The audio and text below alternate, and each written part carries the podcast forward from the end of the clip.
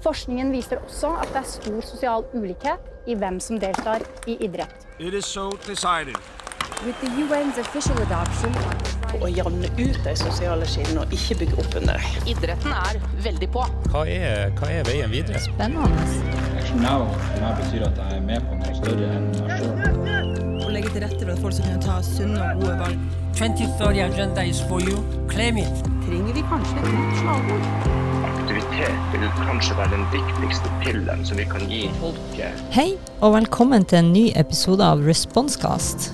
I denne episoden så snakker vi med universitetslektor Tor Atle Tøring om risiko, sikkerhet og organisering av store idrettsarrangement. Velkommen, Tor Atle. Takk skal du ha. Du, Kan ikke du begynne med å fortelle litt uh, om deg? Hvem er du, og hvilken bakgrunn har du? Ja. Uh, jeg er ansatt som universitetslektor på FSV og jobber på campus Levanger. Uh, har bakgrunn fra gamle Hint. Ble med over i det nye Nord universitet. Og i forbindelse med det så fikk jeg da tilbud om å ta doktorgraden. Så jeg har da starta på et doktorgradsprosjekt som har strekt seg over nokså lang tid, men jeg jobber nå fortsatt med prosjektet. Av bakgrunn så er jeg sosiolog, utdanna fra NTNU. Var ferdig i 1994 med hovedoppgaven, så det begynner å bli ganske lenge siden. Jobba litt sånn variert.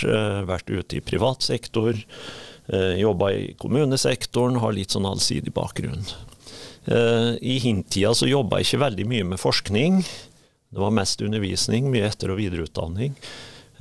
Så overgangen liksom fra det og så over til å begynne å jobbe med forskning, den overgangen var ganske stor. Jeg tror nok akkurat den der overgangen er noe som mange har kjent på i de her fusjonstidene i sektoren. Ja. For det er jo ikke bare Nord som har eller tidligere Universitetet i Nordland da, som har absorbert ei høyskole. Det er jo mange universiteter som har gjort det. Så jeg vil Ja. tro det er mange i samme båt som deg da, som har Ja da, det er det. Absolutt. Men eh, vi skal jo faktisk snakke akkurat om eh, forskninga di i dag, og det her eh, doktorgradsprosjektet som, eh, som du eh, jobber med. Eh, hva handler egentlig prosjektet om? Nei, Hvis jeg skal starte veldig sånn generelt, så handler det om eh, store sportsarrangement. Det er på en måte hovedutgangspunktet. Prosjektet er jo flerdelt. altså Det dreier seg jo om eh, eh, hvordan organisere og gjennomføre risiko- og sikkerhetsvurderinger i slike store arrangement. Det er på en måte en del av det. Men i utgangspunktet så var ikke det en hovedproblemstilling. Det var noe som dukka opp underveis når vi starta med datainnsamling. Så det kom på en måte som en veldig viktig problemstilling som vi måtte gripe fatt i, for det var mange som fronta det som en eh, utfordring. Ellers var jo mitt hovedutgangspunkt var mer knytta til relasjon mellom internasjonal eier og den lokale arrangøren. Altså det som oppstår av ulike gnisninger, av ulike utfordringer i forhold til å, å takle det. Det har vi jo publisert noe på, bl.a. det som går på bidding process, som vi har en felles artikkel med NTNU-miljøet på, som jeg skal si litt om seinere. Og i tillegg det som går på, på det med risiko og risikovurderinger som gjøres. Så Mitt utgangspunkt går jo mer opp imot organisasjon og ledelse i store arrangement. Så der har jeg òg en, en, artikkel som går på det, og det skal jeg òg komme litt tilbake seinere. Ja.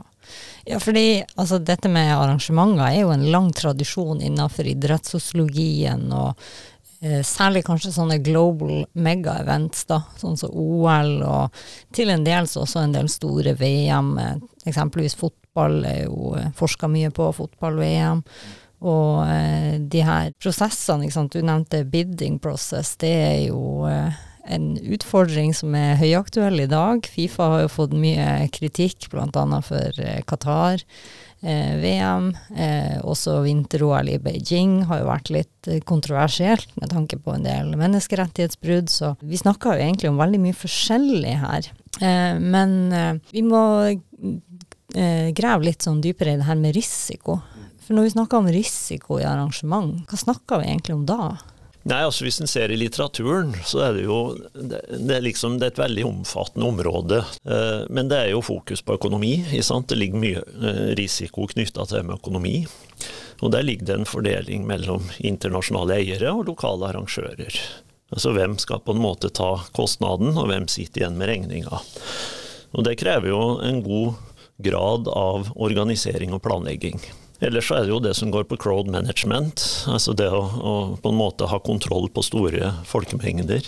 Store fotballarenaer. Eh, Sykkel-VM så er det kanskje mer spredning, men samtidig så er det en utfordring. Eh, det er jo det med terrorisme er jo òg et tema som, som selvfølgelig som en må ta hensyn til. Det er skader. Det kan være skader på utøvere, skader på eiendom, skader på publikum osv. Og så er det jo klimaaspektet, som òg er en risiko.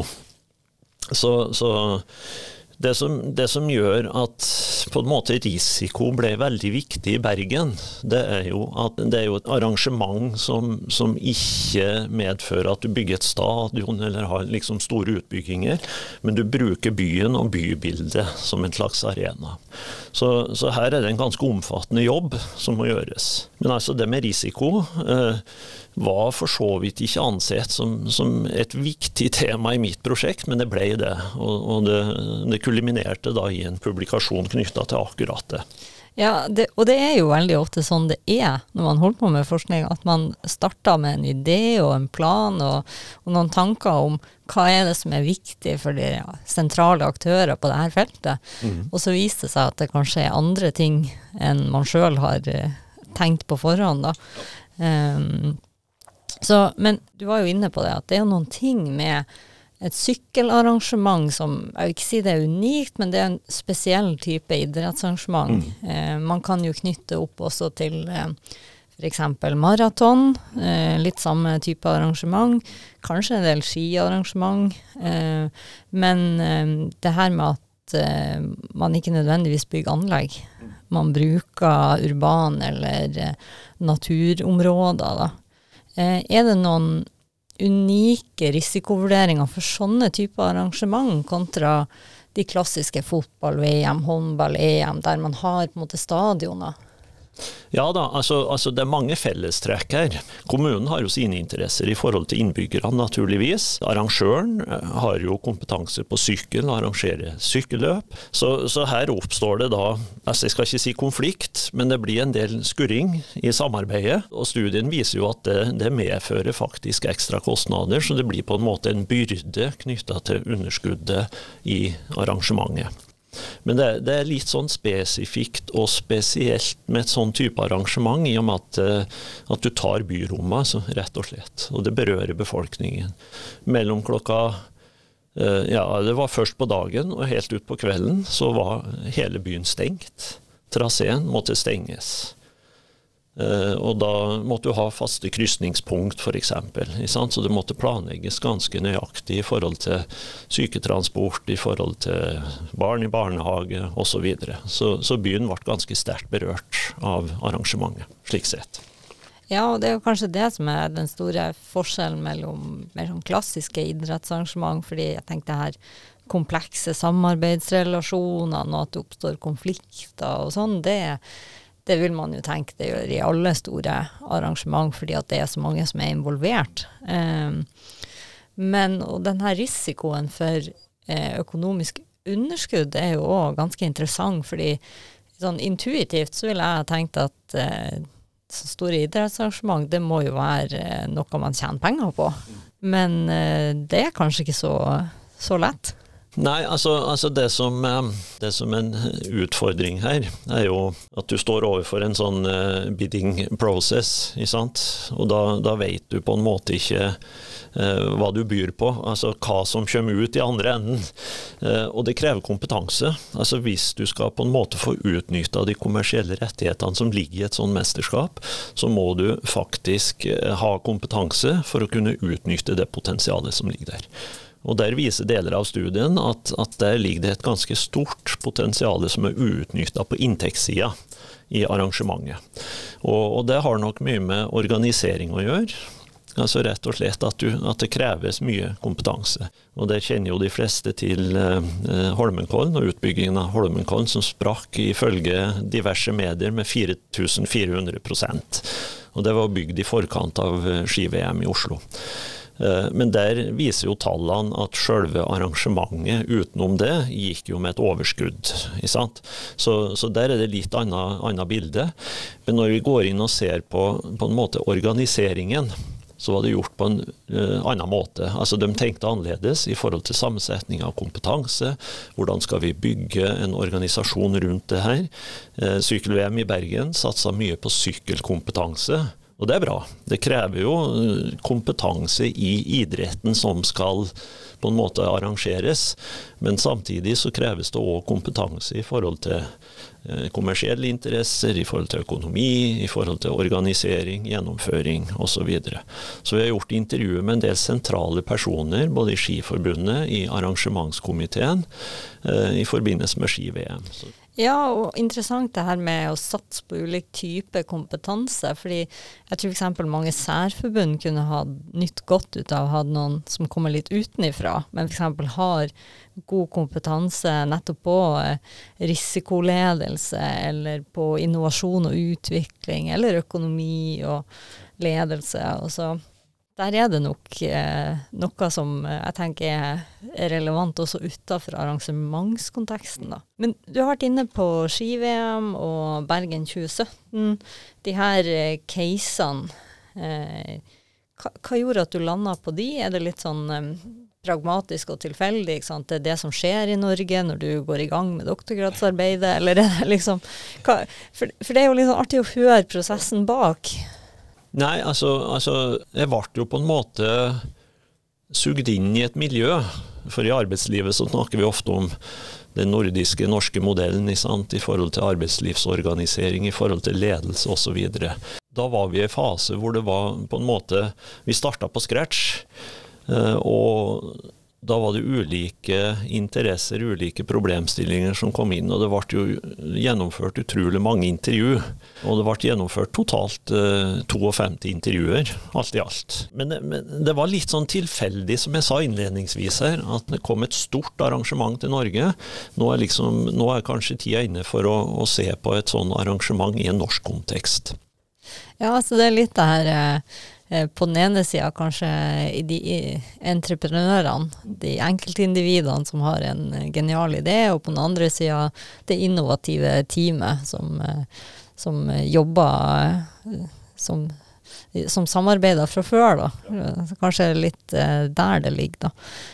Men du nevnte den norske modellen og den nordiske modellen. og Eh, jeg vil tro at det er mange som tenker sånn Hæ, hva er, hva er, egentlig det for noe? Så liksom, helt kort, hva, hva, snakker vi om da? Hvorfor er det relevant eh, når vi snakker om idrettsarrangement? Nei, det som, det som jeg vil trekke fram da, det er på en måte kvalitetene som vi kjenner fra norsk, norsk arbeidsliv.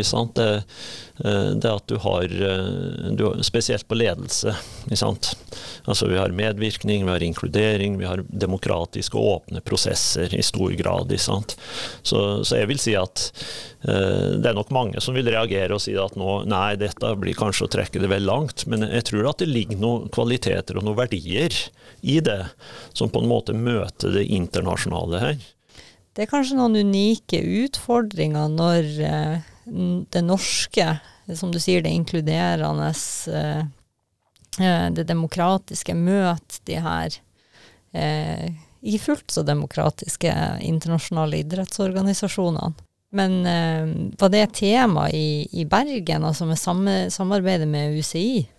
Ja, uh, det var et tema. Men det, det, som, det, som, gjør prosjektet litt sånn vanskelig i den sammenhengen, er at i utgangspunktet så hadde vi tenkt å intervjue personer sentralt i UCI.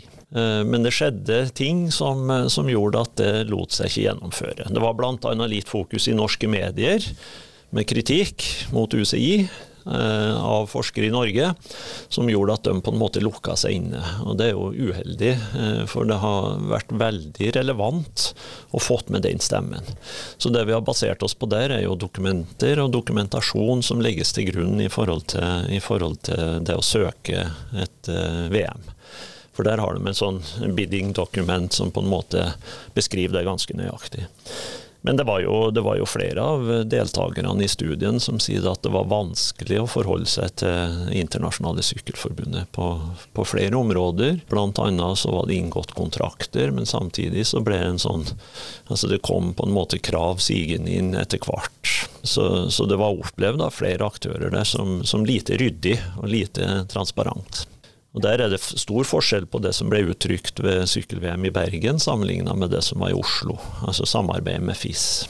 Det var bedre, eller det var bedre kommunikasjon? på en måte? Bedre kommunikasjon og mer transparent. da. Ja.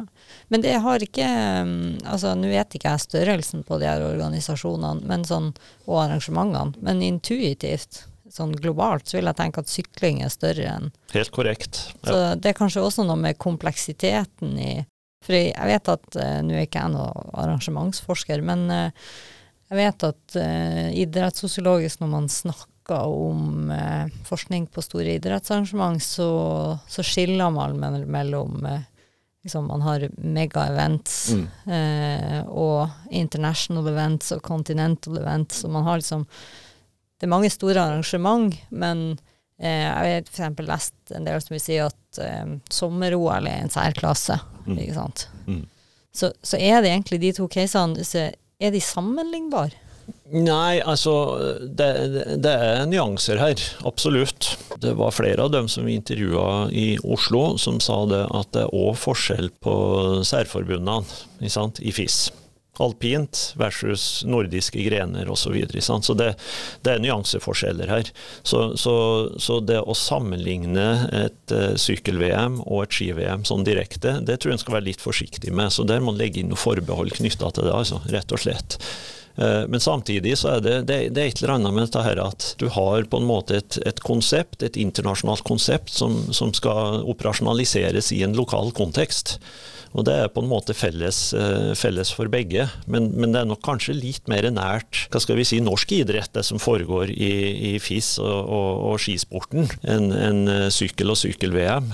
Men det er klart at, eh, at det begynner å bli god arrangementskompetanse knytta til sykkel òg i Norge, hvor du har Arctic Race f.eks., som har gått i mange år, og som, som på en måte har opparbeida seg god kompetanse på det å arrangere landeveisritt spesielt. Ja. Altså, eh, du har jo liksom toucha litt inna på det her med metode. En, en drøss med intervju. Du nevnte eh, dokumentanalyse. Eh, kan ikke du fortelle litt om den metodiske prosessen? Ja, altså i, i utgangspunktet så diskuterte vi mye.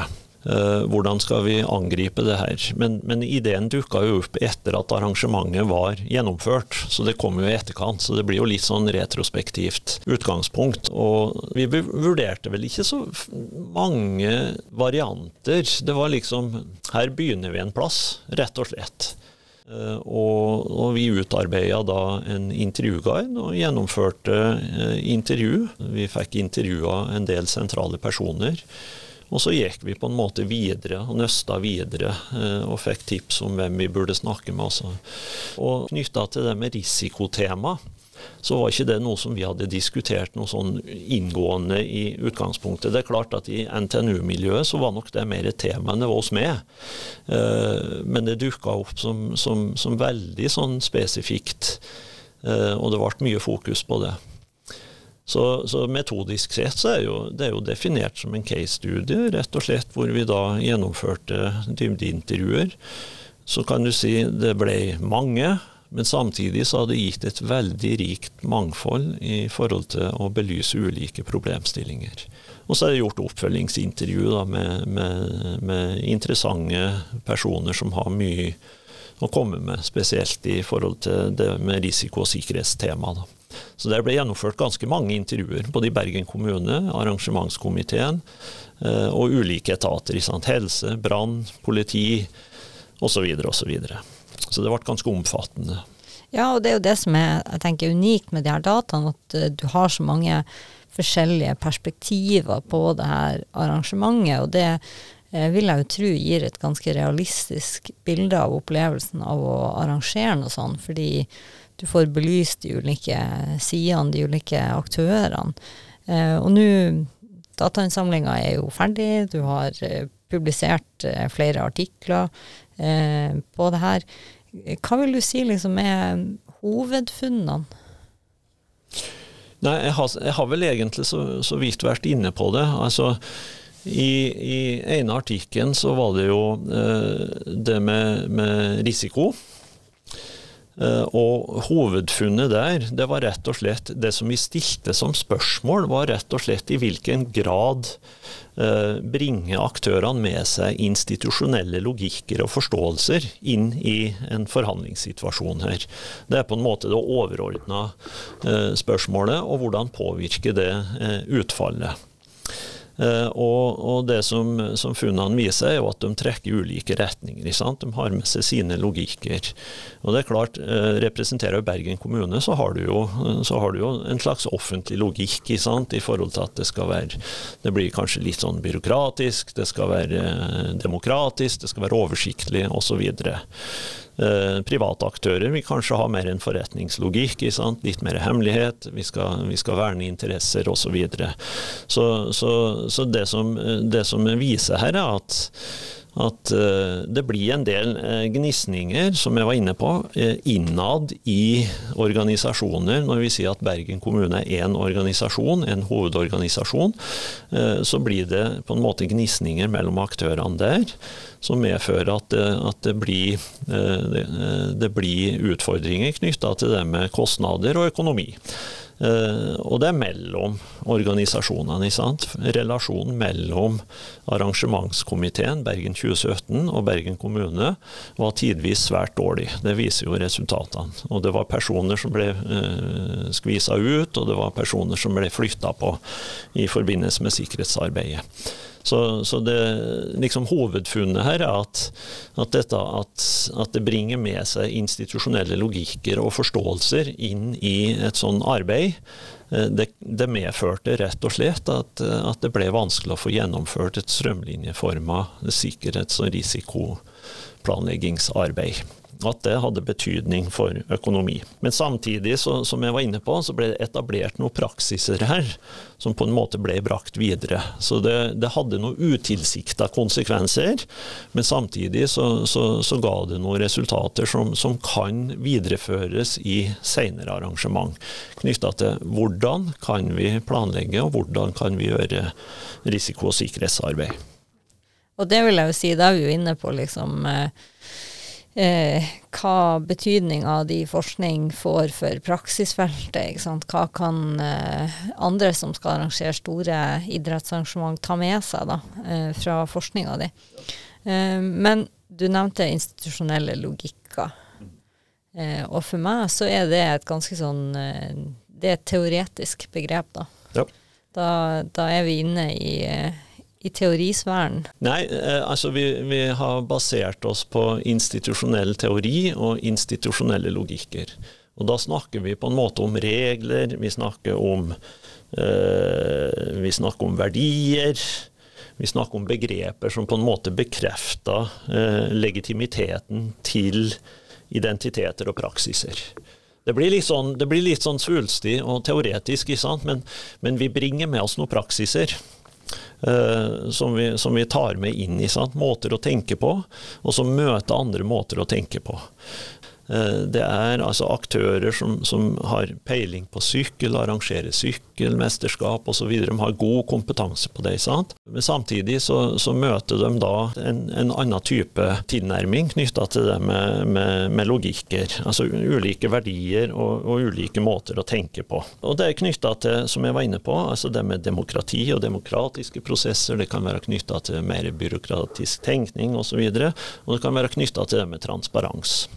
Så, så logikken er på en måte den ballasten som vi bringer med oss inn i en sånn type hva, ja. hva skal vi si, forhandlingssituasjon.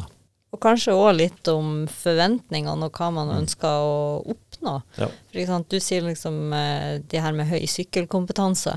Jeg vil tro, liksom, hvis jeg tar på meg deres sko, at de vil ha et kult arrangement. Mm.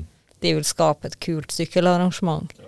Men sponsorer, du var inne på det med forretningsidé. De de vil helst ha noe tilbake, mm. om det er eksponering eller økonomisk gevinst. Og kommunen har mange andre hensyn å ta. Ja. Eh, så, så liksom hvis vi tar det helt, helt ned da, i idrettsverdenen, så kan det jo kanskje være den her klassiske eh, breddelogikken med toppidrettslogikken. Sånn, skal idrett være inklusjon, eller skal det være eh, elitesatsing? Og en annen, et annet viktig poeng du er inne på, er jo at eh, og det er faktisk et veldig viktig poeng at uh, sykkel-VM ble jo sportslig sett et veldig vellykka arrangement. Det var spektakulært når de sykla opp uh, bakkeløpet. sant? Sykla opp og fikk utsikt over Bergen by, og uh, tilskuerne var tett på. sant? Det var et veldig vellykka arrangement sånn, sånn sett. Uh, og, og, det er jo klart at det er jo det du er på jakt etter, sant? å få til det spektakulære. Eh, det er jo det som, eh, som, på en måte gir hva skal jeg si, tyngden til Tour de France med, med klatreetapper osv., hvor, hvor du har den nære, tette nærheten til publikum, den nære deltakelsen. Du ser delvis det samme i? Eh, Arctic Race, hvor de flytter småplassene ut til hovedveien og etablerer seg langs ruta. Det skaper et engasjement. Og, og, ja. Så det er et veldig godt poeng som du, ja. som du trekker fram der. Jeg tenker eh, vi kan snakke om eh, det her doktorgradsarbeidet tenker jeg lenge, lenge. Men eh, vi må også snakke litt mer om det her å skrive doktorgrad. Ja. Eh, og du nevnte det at du har jo jobba en god stund på HINT, altså Høgskolen i Nord-Trøndelag. Ja. Eh, med undervisning, før du på en måte begynte på doktorgradsarbeidet. Kan, kan, du si litt mer om, om denne eh, prosessen? Ja, det ble en brå og egentlig tøff omstilling. Jeg jobba mye med etter- og videreutdanning, og, og hele stillingen var på en måte fylt med undervisning. Jeg hadde noen sånne småprosjekter, men det var, det var ikke noen sånne eh, store forskningsprosjekter, for å si det sånn. Så overgangen der ble ganske stor, eh, og, og det lå jo et, et, forventningspress i forhold til kvalifisering osv.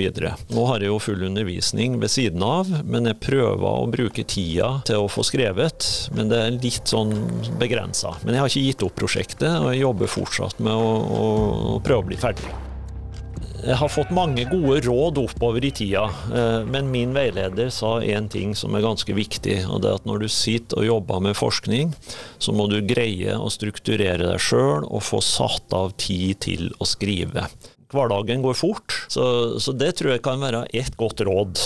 Et annet godt råd eh, som har gitt meg mye, i hvert fall, det er rett og slett at jeg har samarbeida med et eh, miljø som er interessert i samme. Uh, og så har jeg vært på datainnsamling i lag. Det har vært utrolig artig. Jeg har flere turer til Bergen, og jeg bodde i Bergen i kanskje ei uke. Gjennomførte intervju dag etter dag etter dag. Og så prøvde jeg å, å, å gå gjennom på ettermiddagen. Men det, det var nesten på grensa, for du kan begynne å nærmest surre litt mellom intervjuene. Men det er dette å ha det samarbeidet, ha noen diskusjonspartnere. Vi var to som gjennomførte intervjuene, og det trivdes jeg veldig godt med. Og de som ble intervjua, de syntes òg det var helt ok. Ja. Så jeg syns det var steika artig, for å bruke det uttrykket, uh, å reise på datainnsamling. Ja, og så er det jo flere nivåer her. For noen er jo på en måte skriver jo doktorgrad i et større prosjekt. Ja. Og da har man jo kanskje mer den type opplevelse som du har hatt, mens andre eh, styrer sitt eget prosjekt og er mer alene om det, da. Men eh, det her med å ha et faglig miljø og bidra sjøl til det miljøet. Ja. Eh, det tenker jeg jo er like viktig i denne eh, sammenhengen. Da. Absolutt. Absolutt. Og det har, vært, det har, jo vært, eh, formidabelt hos oss. Altså Her har vi jo et miljø som er i ferd med å bli eh, volum på. Og jeg har hatt mye glede av å få tilbakemelding på ting jeg har skrevet sjøl, og jeg har hatt mulighet til å bidra inn og kommentere andres arbeid. Men um, ut ifra dine erfaringer da, med doktorgradsarbeidet, hva vil du si er det beste med å være i en sånn doktorgradsprosjekt, med å stå i en sånn prosess? Det er jo veldig mye svingning, da. Det må jo sies. Eh, så det går veldig opp og ned. Men, men det som er den største fordelen, er at du kan jobbe ganske selvstendig, da. Det er jo, det er jo liksom øh, Og du, du får tid til å fordype deg. Så det er jo definitivt det mest positive. Altså Du får tid, og du får lov til å sitte og fordype deg i noe som du er interessert i. Altså Det er jo et privilegium. ikke sant? Så, så det er jo absolutt det mest eh, positive som jeg vil trekke fram med et sånn type prosjekt. Enn nå, da? Du, eh, hva, hva, jobber du med akkurat nå? Hva er neste milepæl? Nei, Neste milepæl er å få, få, or få, orden på den uh, artikkelen som jeg sitter og jobber på en god stund. Jeg har hatt en del runder på. Uh, men den har ligget i ro nå uh, noen måneder pga. mye undervisning. men den skal revitaliseres og tas opp igjen og jobbes med. Så det er den kortsiktige planen. Eh, når det gjelder prosjektet totalt sett, så, så jeg burde vel sikkert satt med en dato. Så det skal jeg prøve å finne ut av i jula, tror jeg. Skal bruke jula litt på det og finne ut nå må jeg faktisk sette med en dato. Det var tidenes uh, forskersvar. Jeg skal bruke jula på jobb. jo, jo. Nei, men, uh, tusen takk til deg, Tor Atle, og tusen takk til dere som hører på. Følg oss der dere hører på podkaster, så får du også varsel om neste episode.